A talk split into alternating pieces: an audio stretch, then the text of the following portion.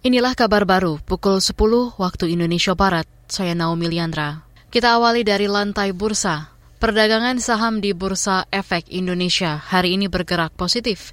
Indeks harga saham gabungan IHSG pagi ini dibuka menghijau ke level 7.250, naik 0,26 persen atau naik 18 basis poin dibanding saat penutupan kemarin. Dikutip dari RTI, data sementara pembukaan hari ini ada 270-an juta lembar saham diperdagangkan dengan nilai 184 miliar, dengan frekuensi perdagangan mencapai 10 ribu kali transaksi. Sebanyak 170-an saham menguat, 50-an saham terkoreksi, dan 200-an saham stagnan.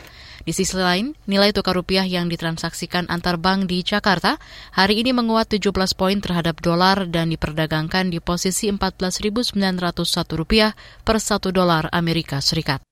Saudara, setelah menghentikan ekspor nikel, Presiden Joko Widodo berencana akan menghentikan ekspor komoditas tambang lain secara bertahap untuk mendongkrak pendapatan negara. Hal ini diungkapkan Jokowi dalam acara Sarasehan 100 Ekonom Indonesia 2022 kemarin. Tiga tahun yang lalu kita stop nikel dan kita bangun industrinya di dalam negeri, yaitu kelihatan mulai tampak hasilnya. Nanti tahun ini mungkin stop lima, tahun depan stop boksit, tahun depannya lagi stop kuber, tembaga, ya karena hasilnya kelihatan. Presiden Jokowi mengatakan sebelum membangun industri nikel, hasil ekspor komoditas itu hanya sekitar 1,1 miliar US dollar atau setara dengan 16 triliun rupiah. Namun setelah ekspor dihentikan dan dikelola sendiri, pendapatan bertambah 19 kali lipat, mencapai 20 dolar Amerika atau setara 149 triliun rupiah pada 2021. Untuk itu, Jokowi terus mendorong adanya hilirisasi yang lebih baik.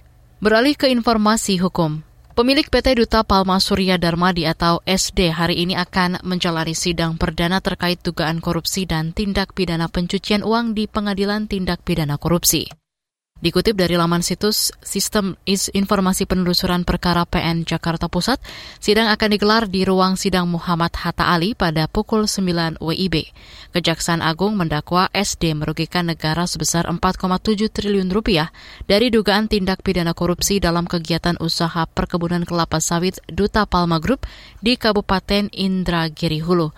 Selain itu, SD juga disebut merugikan perekonomian negara sebesar 73 triliun rupiah yang dilakukannya bersama Bupati Indragiri Hulu periode 1999-2008 Raja Tamsir. Dari dugaan tersebut, Kejaksaan Agung telah menyita sebidang tanah dan bangunan di beberapa lokasi seperti di Desa Tebing Tinggi, Jambi, dan di Jakarta Selatan. Demikian kabar baru KBR, saya Naomi Liandra.